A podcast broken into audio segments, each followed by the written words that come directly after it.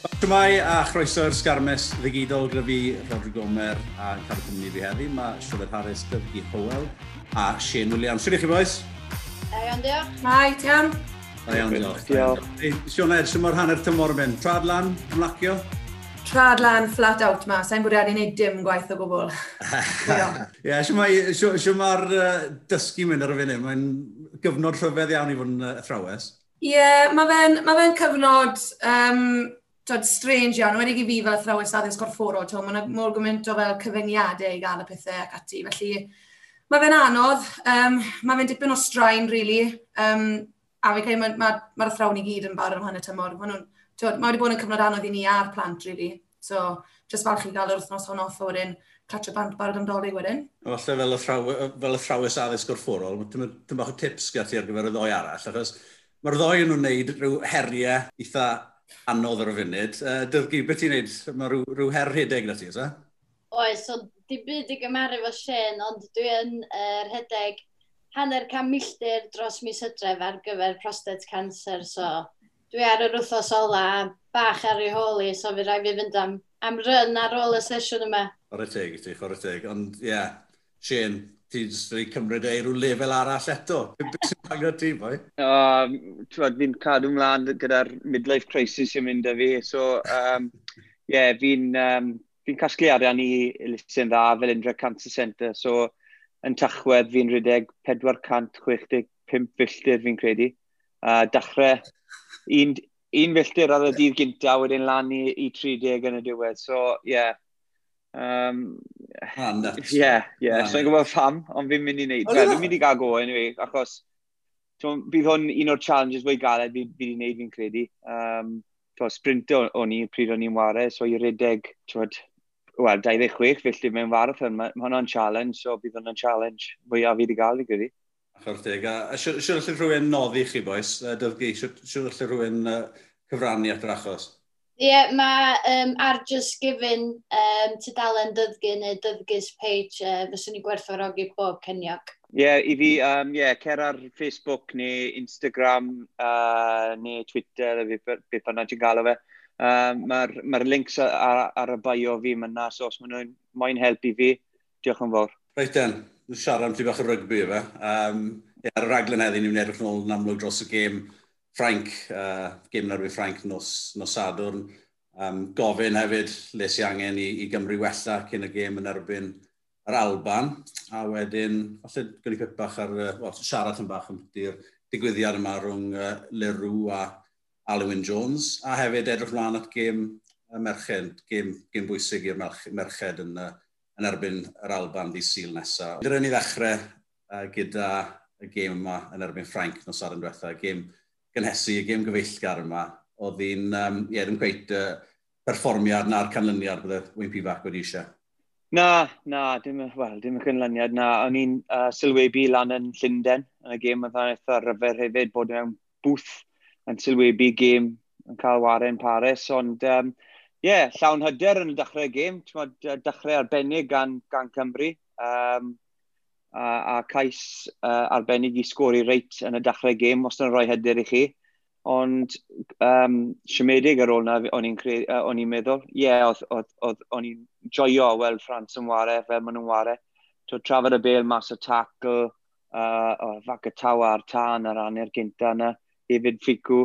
Um, a Dupont, wel, un o'r mewn o'r gorau yn y byd fi'n credu, a mae wedi bod am spel. So, pwy mae cefnwyd nhw yn lan, a maen nhw'n wario fel yna, maen nhw'n wasa gared i wynebu, ond, ie, yeah, siomedig ymddiffyn uh, Cymru nôl fel, fel oedd e yn y chwech glad, llawn, llawn bwlch, um, a lot o cam cymeriad yn ei meddwl, yn, um, uh, yn ysgarmes, um, oedd, oedd o'r Ffrans yn, yn ennill popeth o'n i'n meddwl. Uh, siomedig, ti'n bod, i, i weld rhywun fel Rhys Webb dim cael bel glân i chwarae gyda, yn wedig pryd dath Gareth Davies arno, oedd e'n wath. So, um, na, ware Ffrans mas yn Ffrans mae'n wastad yn galed. Um, ond chwarae teg, dwi'n neis i weld Lewis Rhys Amet dod, dod arno, Sam Parry a boes newydd hefyd. Uh, roi tyn bach a hyder nôr i Calfan. A fi'n gobeithio weld nhw cael fwy o amser wythnos nesaf erbyn yr Alban, ond lot i gweithio arno, oedd ddim siap o gwbl. Oedd um, Wyn Pifac, Sioned, yn, yn gweud taw, tym bach yn rhydlyd oedd, oedd Cymru heb ware gyda'i gilydd y spel, ond ond i'n anesgus, ti'n meddwl, dyw, dyw Ffrainc heb ware gyda'i gilydd y spel chwaith a nhw'n anhygol. Na, sa'n gael bod yn anesgus. Mae'r boes wedi bod yn chwarae game yn y Pro 14, rhaid nhw wedi bod yn chwarae mewn Ewrop. Mae Ffrainc heb chwarae ei gilydd chwaith. Sa'n gael bod yn anesgus o gwbl, wedi ar y safon hyn ar y lefel hyn mae Shane wedi bwrw pob pwynt, really. Tymor, oedd Frank, o'n nhw'n ymosod gyda lot fwy o chwant, um, o'n nhw'n dadlwyth o'r bel, oedd dwysedd nhw'n uwch, tywod, oedd ailgylchia nhw'r bel, oedd Sgarmes yn lot fwy gyflym, a fel o Shane, tywod, oedd y boes Cymru jyst ddim digon corfforol i fi, ddim digon gyflym yn, yn ardal y dac yna i gallu rhoi PLDD web. O'n i'n hynor o siomedig, pan oedd Gareth Davies mlaen, fi'n teimlo nath ei arafu'r gêm lawr eitha dipyn. Yn yr amddiffyn, jyst camgymeriadau, sa'n gwrs os mae'n rhywbeth mae Byron hi wedi dod mewn tod bod canol can hedfan allan, ond oedd y ddoi gais a sgorio nhw wedi cael ei greu o camgymeriad Cymru jyst hedfa mas o llinell. Ond nhw'n amddiffyn yn gil iawn. Tywod, fi'n gwybod mae George North wedi cael tipyn o stick ar y cyfryngau, ond i fi, dyw e ddim rhoi lawer lan ar y foment i fod yn asgellwr genedlaethol ar y safon na. Tywod, mae fe'n neud weles i'n darn yn y gêm ble nath prop Frank codi i fynd y bwys ar y dal y ryc, a oedd e fe bod yn wario touch rygbi da fe. Wedyn nath ei pigo'r bel a treol mynd am y llinell gais, a gath ei gwythio nôl. Twyd, dyse'r safon lefel corfforol y boesyn, mm. oedd e ddim, oedd e fel dynion o areb yn bechgyn i fi ar y penwthnos, o'n i'n, o'n eitha siomedig, ond fe wyr sy'n eto, oedd e'n braf gweld Sam Parry a'r boes i'n fynd gymaint o mewn ddo a gael cyfle. A rwydi'r e gorfforol na, pan ni Dyna fi, pan o'n i arfer gwylio Cymru Hored dan Gatlen, dyna, dyna beth oedd i gemau, ynddo fe. A er, dim pwynt cymharu Gatlen falle a Pibanc, achos maen nhw'n hyfforddwyr sy'n gweld y gêm mewn ffyrdd hollol wahanol. Ond un peth sy'n gyson, dys dim ots pwy ti'n chwarae yn erbyn, mae rhaid i ti ennill y frwydr gorfforol yna. A am bod yna reswm, dwi blaenwyr Cymru na'r olwyr o gyfeithio chi ar y funud yn gallu croesi'r llenall fantes yna. Felly dwi'n chwarae'r gêm lydan y gored yma, mae Pifac eisiau chwarae, ddim yn bosib, bwyd e? Na, mae rai chi gael yr, am, am, yr ochr amddiffynol yn gywir cyn gallu ymosod wrth gwrs. Um, camddealltwriaeth yn y linell amddiffyn, dwi'n meddwl ar un adeg o'n esiampl o web a car bwlch mawr mewn gwagle yn agos iawn i ryc. Wel, mae pob chwaraewr yn gwybod mae rai chi amddiffyn rownd y ryc cyn poeni am yr ochr llydan. A fel sydd wedi cael ei drafod yn barod, uh, mae rhaid gwella'r ochr amddiffynol yma, ac fel oedd Shane yn dweud y pong yn rhedeg y sioe i Ffrainc, ac oedd o werth gwylio Ffrainc y chwarae, a jyst i edrych ar yr ystadegau pimp cais yn erbyn dwy, felly mae'n mynd i fod yn wythnos reit galed o marfer i uh, Bechgyn Cymru wythnos yma gobeithio. Beth yw wedyn, Shane? Mae'n mynd i'r ildio 15 cais y fe yn, yr, yn y 4 gêm diwetha, uh, wedi colli'r 4 gêm bydd y gêm yn lynol nawr. Beth sy'n angen iddyn nhw wella?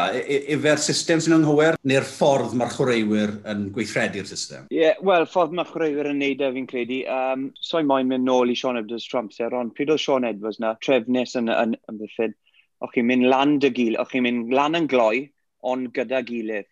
Mod, y red blur fel, fel o'n nhw'n weid. A chi'n weld e nawr yn y tîm Ffrans, ti'n modd? Maen nhw'n dod lan dy gilydd a mae ddoi o'n nhw'n taclo un o'r chwaraewyr um, ymosod, a mae'n mae llwyddiannus. Gyda Cymru, wel, welon ni sawl waith, Rhys Webb dod mas o llinell, Justin Tipric, a mae'n mae byth yn neud cam cymeriad, yn dweud.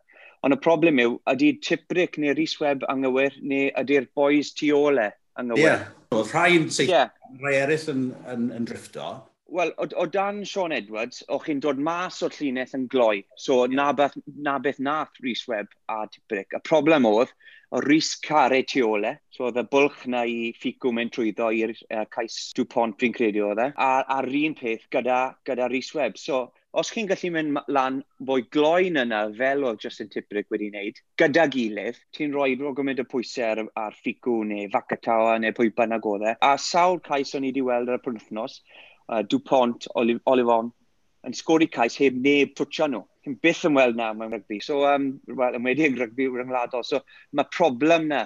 Mae problem yn y system, a mae rhaid nhw dod y gilydd nawr a siarad a'n cael ei mas yn yr awyr, achos os chi'n neud na erbyn tîmau fel Ffrans, ti'n mynd i colli.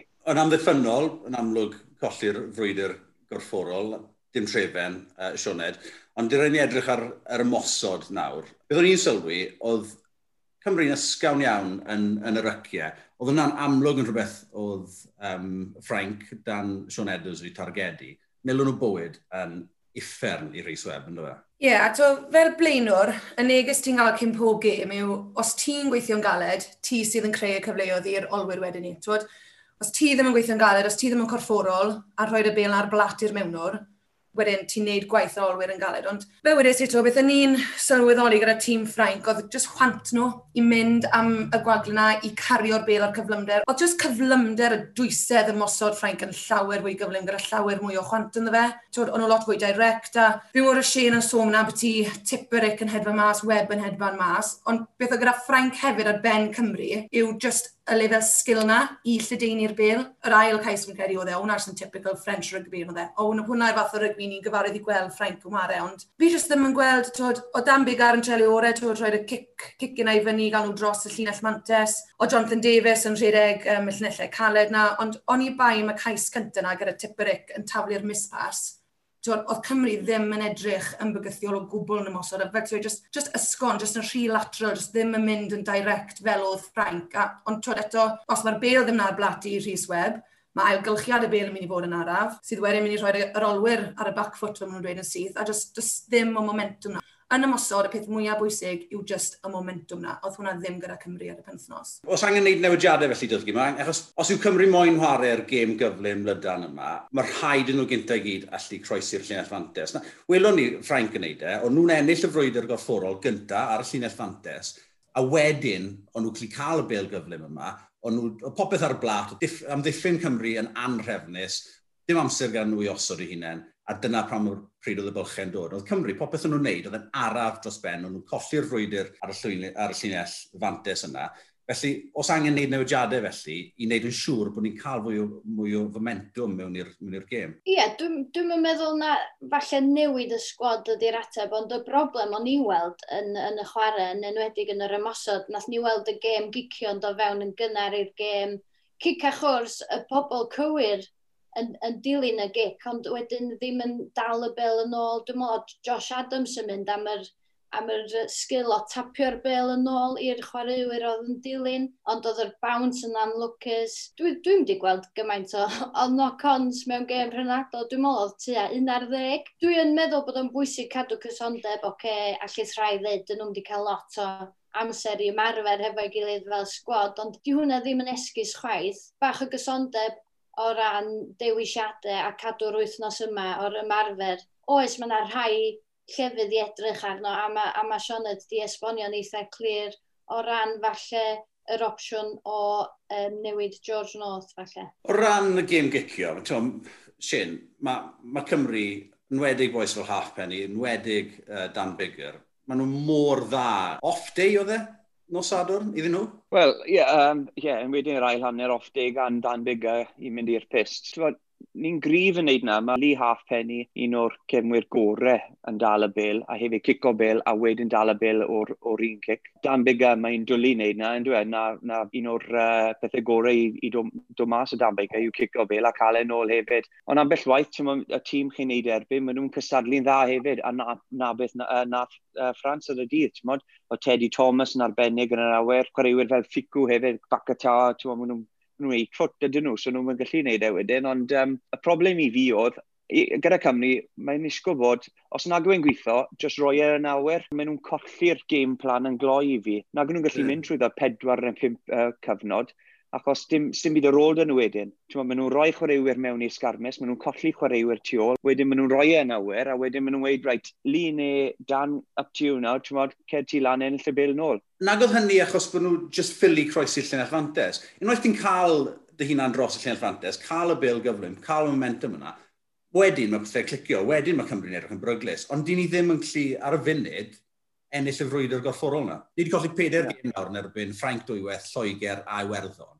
Dyna'r fath o dîm oedd. Ni, yeah. ar funud, di ni ffili cystadlu gyda nhw'n gorfforol. Gyda Rhys Webb, a wedig, yn, yn wedig a Davies yn dod arno, o rhaid nhw ffrio a mladdi cael y bel nôl, oedd y, tîm Ffrans yn dod nôl um, bod, yn, yn ymddiffyn yn barod i mynd. A, oedd Cymru yn wastad tu ôl y pes o'n i'n meddwl. Dim tempo dyn nhw'n ware. A pryd maen nhw'n yn ware gyda tempo, y funud gynta, sgoron nhw cais, ond nhw'n isgol yn peryglus iawn. Ond ar ôl na, oedd nhw'n ddim wedi dangos yr un, ti'n yr un agwedd fi'n credu. So mae yn galed, ond ni wedi wneud e o blaen. Ni'n gwybod bod y tîm e- Cymru yn yn gallu wneud e. Mae ma boys yn y tîm na sydd twyd, gallu dod mewn unrhyw tîm yn y byd. Siona, e, dyddgwy'n gweud gyne, falle cysondeb sy'n bwysig, yr unig newid iddi hi falle yw George North be amdano ti? Os, os na bobl eraill falle ddyle cael cyfle? Fe cytuno'n y dydgu, byddwn ni bendant yn edrych i newid George North. Fi'n credu bod e'n bod e'n newyddion dda bod Liam Williams wedi chwarae'r gêm i'r Scarlets ar yr un penwthnos, felly gweithio bydd e ar gael nawr penwthnos nesaf.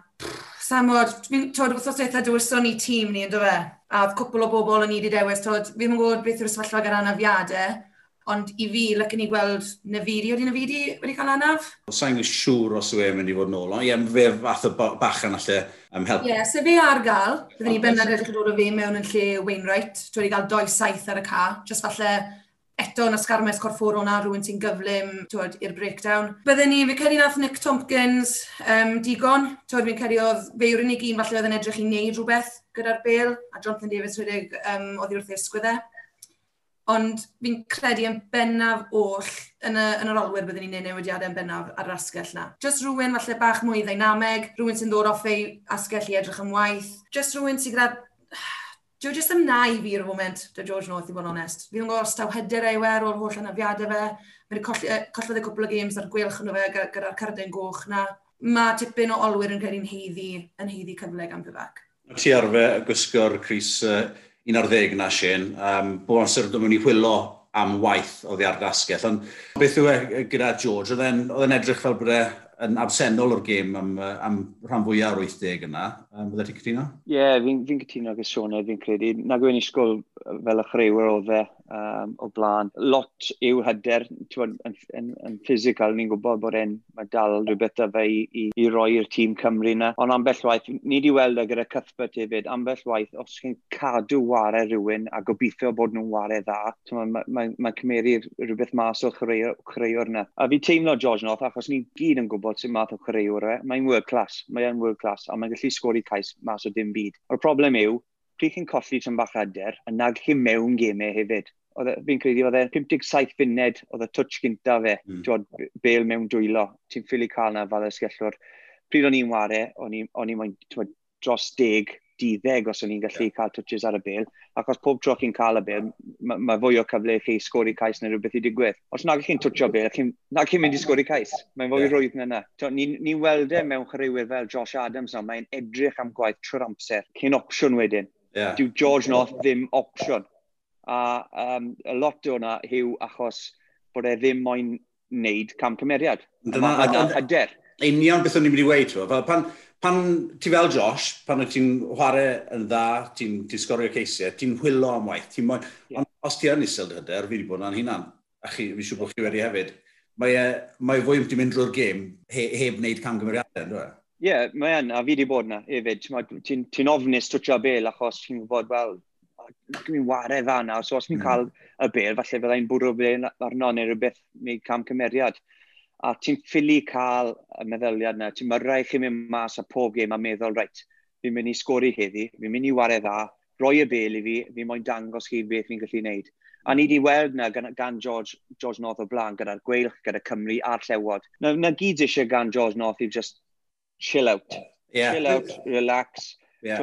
Mynd myn bant... Nôl i'r handbars. Bant o'r gêm, ie. Yeah. yeah. Joio, joio marfer, paid o roi pwysau yn ei unan, dod mm. nôl a wneud beth ni'n uh, ni pawb yn gwybod chi'n gallu wneud. Ie, yeah, wel, mae siarad am hyder, mae Lewis Rhys Amit ar y funud oedd gi, mae hyder e reit lan na, dwi'n e? Ydy, a mae yna lot o sôn wedi bod amdano fel sgwrs yn, yn Caerloiw. Mae o'n hyderus, mae o'n chwilio am waith, mae'n gyflym, mae'n gry, a um, gafodd am lot o gyfle yn y gêm ddiwetha. A, a dwi'n chwaith yn meddwl bod o cweit yn barod i gael cychwyn chwaith. Um, gobeithio bod Liam Williams yn cael ei ystyried A fel o Shane yn dweud, mae hyder yn hitio pob chwaraewr yn ei gyrfa rhywbryd. Ond hefyd mae'r uh, rôl ar yr hyfforddwr i ddewis y chwaraewyr cywir sydd ar top y ffom. Tod, mae noth digwydd bod yn cael i ddewis yn wythnosol, ond mae angen um, edrych ar y combination y tri ôl neto. Fain y bwysau ti'n meddwl, Sionel, si ar pifac nawr i ennill y gêm yma yn erbyn yr Alban? Fi'n gwneud mae tipyn o bwysau arno fe.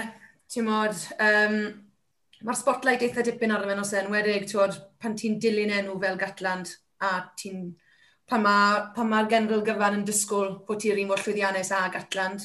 Ti'n modd, fi'n credu mae eitha dipyn o bwysau arno fe. A, twod, a that's the nature of the beast yna fe, fel yn y safle mae fe mewn. Twod, mae, mae swyddau yn, yn dibynnu ar perfformiadau, yn, yn cael ei benderfynu ar llwyddiannau. Felly, twod, mae wedi cael, gath yr gêm na'n ymwneud barbariaid yn y hydref, mae wedi cael um, y chwe glad y dan ei ferten. Nawr mae wedi colli'r gêm um, gyfeillgar hyn efo'r Ffrainc. Felly fi'n credu mae ma wir angen iddo fe a, a'r boes hefyd fi'n credu gyfer ffydd nhw. Fi'n credu mae wir angen nhw ennill y gêm nes yma yn erbyn yr Alban. Nes i siarad am dyn digwyddiad yn y gêm yna, digwyddodd yn, yn hanner cyntaf, Bernard Leroux a'r penelyn yna uh, ynghen uh, Alun Wyn Jones.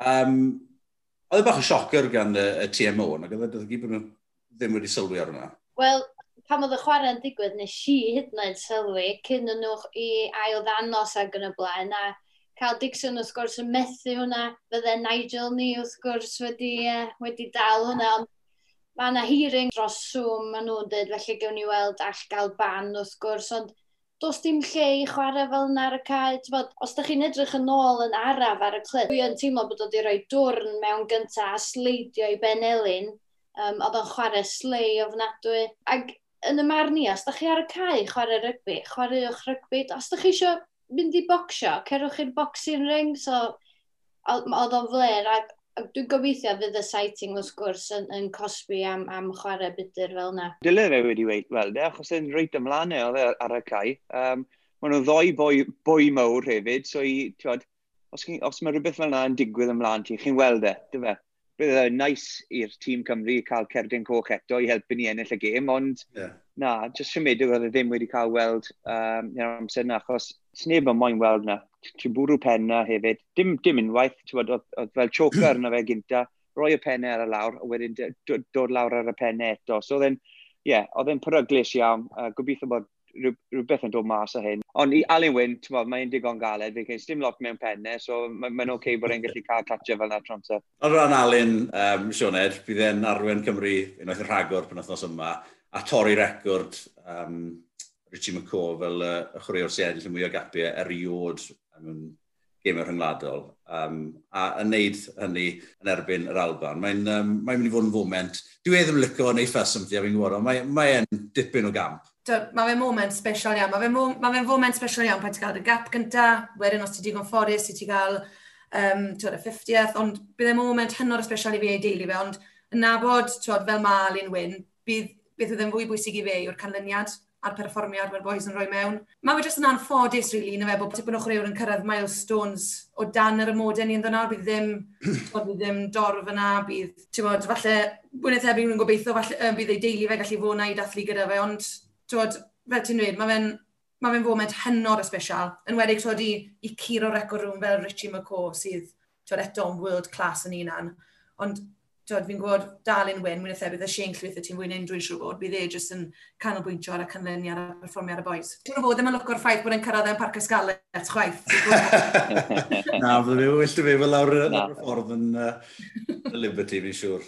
Ond uh, na, chwarae tig. Mae'n uh, yeah, dipyn o, dipyn o gang. But, uh, fi siŵr bydd yn edrych nôl ar, ar hyn rhyw ddwrnod yn, yn falch iawn o'r, or hyn mae wedi cyflawni. Ond ewch ni troi yn glygon ni nawr at gêm um, y menwod. Maen nhw ar y dydd syl yn erbyn yr Alban. Gêm ola nhw o'r uh, chwe glad hefyd. Oedd, um, yeah, dwi ddim wedi bod yn, uh, yn bengybwriaeth i'w dathlu hyd yn hyn, Sioned. Na. na. Um... na.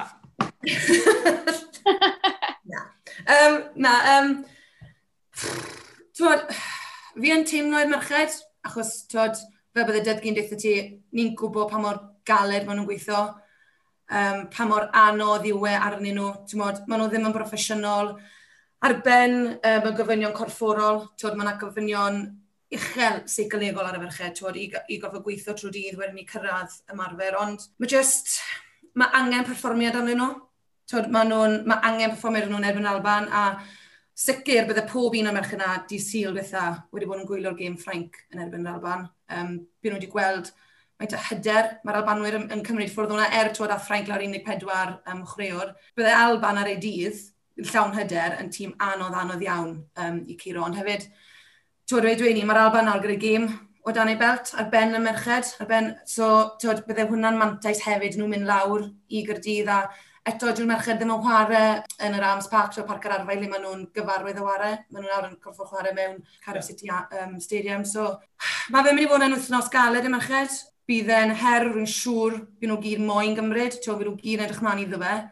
Ond, fel bydd y dydd dweud ti, ti'n mae angen perfformiad yn nhw yn wythnos hyn. Mae ennill pen wythnos yma uh, dyddgu yn golygu mi allan nhw orffen yn bedwerydd yn y tabl, colli a wedyn, ie, yeah, nhw sy'n ar weilod y tabl. Mae'n mae dipyn o fwlch allan o'r ffyn pedwerydd neu'n chweched, a mae, mae buddigoliaeth yn mynd i fod yn, yn bwysig iawn. Yndi, mae buddigoliaeth yn bwysig wrth gwrs lle bynnag, da chi yn y tabl, a mae'r gêm yma yn bwysig am sawl ystyr, um, yr hyder na, mae chwe gwlad rownd y gornel, mae cwpan y byd ha nesa, mae yna chwaraewyr yn rhoi di llaw fyny ac yn, yn trio ennill y crys na hefyd, Ond ar y llaw arall, mae gennych chi'r Alban sydd yn mynd i fod eisiau'r gêm yma yn fwy na neb o ran y qualification i'r World Cup. Um, mae'r Alban yn mynd i ddod o penwythnos diwetha ar ôl gêm gyfartal yn erbyn Ffrainc sydd yn ganlyniad gwych. Mae nhw'n mynd i fod efo'r adrenalin ac Cymru falle'n colli allan heb gael y gêm cnesu fyny sydd yn, sydd yn syrdan i fi chydig bach bod nhw ddim wedi cael dim byd. Um, un peth arall, mae yna rai o chwaraewyr Merched Cymru ddim hyd yn oed wedi chwarae ers mis Mawrth, ers cyn Covid, um, achos bod yna ddim gemau clybiau yn cael eu chwarae yng Nghymru ar, ar hyn o bryd. Felly, mond y chwaraewyr sy'n chwarae drosodd y Lloegr sydd wedi hyd yn oed cael amser ar y cae. Felly, mae'n mynd i fod yn dipyn o siales i cymryd y syl nesaf. Mae tipyn o newid wedi bod, um, oddi ar y ca hefyd gyda uh, tîm y fforddi, mae Darren Edwards wedi dod, dod mewn nawr. Fy'n gwybod, dydw ti'n agos at gyda nifer o chreuwyr yma. Um, ti wedi siarad gyda, gyda nhw, sio maen nhw'n gweld uh, uh, y newid yma yn y tîm y fforddi? Oes, mae yna chydig bach o newid a dwi'n clywed pethau da, dwi'n clywed bod Darren Edwards yn, yn canolbwyntio lot ar seicoleg, um, y meddylfryd positif na yn rhoi ffocws ar rygbi a hefyd yn parchu y ffaith bod y merched mae'n gweithio llawn amser. Mae o'n actually yn ystyried hyn a falle un o'r hyfforddwyr cyntaf i wneud hyn. Yn ymarferion, E, mae o'n rhoi lot o pwyslais ar, ar y basic skills um, a hefyd pwyslais ar y diwylliant neu'r culture o fewn y sgwad, ond da ni angen mwy na hyn. Mae cwpan y byd mewn llai na blwyddyn, a mi fi ni yn gallu cael tîmau fel Sela Newydd, Lloegr, Canada yn ein grŵp ni. felly dwi'n uh, addawol i weld be fydd Darren Edwards wedi wneud hefo'r sgwad erbyn dysil, ond um, dipyn o sialens. Chin, nath na Sione siarad fyna, di'r heriau sy'n wynebu rygbi menwod ar y funud. Mae rhai'r menwod yn mewn i'r gêm di syl, heb, heb chwarae unrhyw fath o rygbi. Ti'n meddwl bod, bod angen rhagor o bwysles ar datblygu um, rygbi a well, cymryd, cymryd y camp y menwod yma yng Nghymru yn fwy uh, ddifrifol. Ie, yeah, eisiau, eisiau fwy, ie, yeah, wrth gwrs, mae e'n galed, ti'n heb war y rygbi am, am, uh, am y blwyddyn, a wedyn chi'n wynebu chwaraewyr gorau yn y byd yn y gêm rynadol. Mae'n mae galed, dwi wedi'n ffer, a na, na pham ni'n weld tîmau fel Lloegr a Zela Newydd, uh, y tîmau gorau yn y byd yn y safle yna. So ie, yeah, mae e'n galed, um, ti'n gallu ymarfer, mae'n fwy gymaint i moyn. Ond os nag i chi'n ware, nag i chi'n match fit hefyd, mae hwnna'n bwysig hefyd fi'n credu. Mae'n most, ti lan yn, yn erbyn e. So ie, yeah, mae'n mae galed a hefyd, dwi e ddim yn, dwi e ddim yn swno proffesiynol yn dwi e. Dwi e, heb ware uh, am, am y blwyddyn a wedi chi'n wynebu chwaraewyr yn y, yn y chwech glad. So, ie. Yeah, um... Ti'n gallu dychmygu dy hunan nawr, ti'n mewn i, mewn i gêm, ti'n mynd i fod yn chwarae yn erbyn chwaraewyr proffesiynol, o Loegr, Ffrainc, Zala Newydd, mae ma rhain yn ymarfer llawn amser. Fel, fel, fel, fel nes ti pan o ti'n chroiwr proffesiynol, ti'n gallu dychmygu um, mewn yn holl amateur, ti'n gweithio drwy'r wythnos, trio ffitio ymarfer mewn o gwmpas dy, dy waith llawn amser, a wedyn disgwyl ti'n mynd allan i, i berfformio yn erbyn y tîmoedd yma.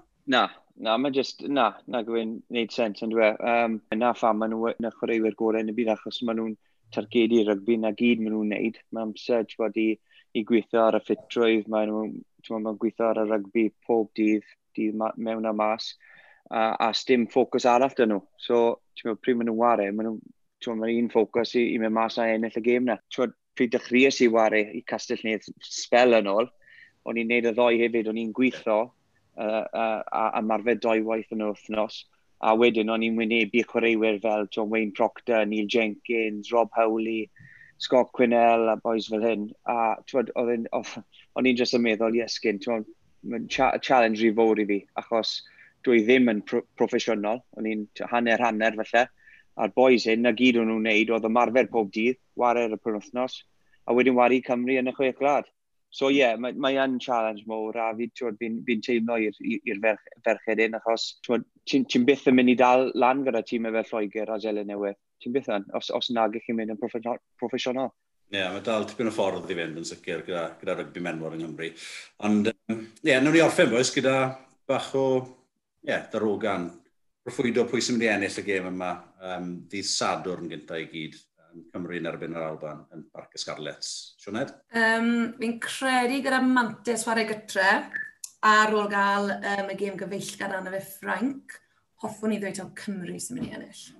Ond dibynnu y pa tîm Cymru sy'n troi lan. Ie, yeah, mae rhaid nhw weithio ar ei gwendidau, um, mond i edrych ar yr ystadegau. Cymru bob amser i fi, byddai wastad yn ffyddiog. Ie, yeah, uh, yeah, bydd y boys y Scarlets yn hapus i wario gatre. Ond, um, yeah, wel, o'n i yn personol heb, wel, byth wedi colli erbyn yr Alban, so fo'n mae'n cadw yna lan, so ie, yeah, Cymru i fi. Uh, mae eisiau wario lot wella gyda'r bel, uh, yn wir, a bydd ymddiffyn yn cael testo, achos Finn Russell, Hog a boys yn, maen nhw'n world class, ond fi'n credu a gobeithio bod y boys yn newid cwpl o pethau wythnos un, so Cymru fi. Ie, yeah, na, fi'n uh, fi cytuno. Fi'n credu byddwn ni'n gweld tîm gwahanol iawn gan Cymru. Um, fi'n credu bod ni yn ennill y frwydr gorfforol yn erbyn yr Alban. Um, a mae, fel ti geisio, mae ma record Cymru yn erbyn yr Alban dros y 15 mlynedd diwethaf wedi bod yn uh, arbennig. So ie, yeah, na, sa'n sa disgwyl i ni golli. A Dydgi, ti'n mynd i fod yn rhan o, o dîm y clwb rygbi yn, yn y gêm yn erbyn yr Alban ddi syl, ynddo ti? E? Ydw, fydd y gêm yn, yn fyw ar ysbrydorec prawn dy syl yn erbyn yr Alban wrth gwrs, a dwi'n edrych mlaen i fod yn, yn gweithio arni. A Shane, ti lawr yn Parc Scarlett yn tydi? Ydw, byddai'n gweithio lawr na Des Bedwrec hefyd, so isgw mlaen am y gêm. Wych, ah, ffantastig. Ie, yeah, yeah, gwsel y groes yn yeah. Gweithio yn ddau gynlyniad da i, uh, i Gymru pan wythnos yma yn erbyn fel banwyr. Ond ie, yeah, ffantastig bod Esbwrec hefyd yn, yn darlledu'r gymau, y ddwy gêm. So, diolch yn fawr chi am eich amser heddi a welwn i chi tro nesaf. Diolch. Diolch. Diolch.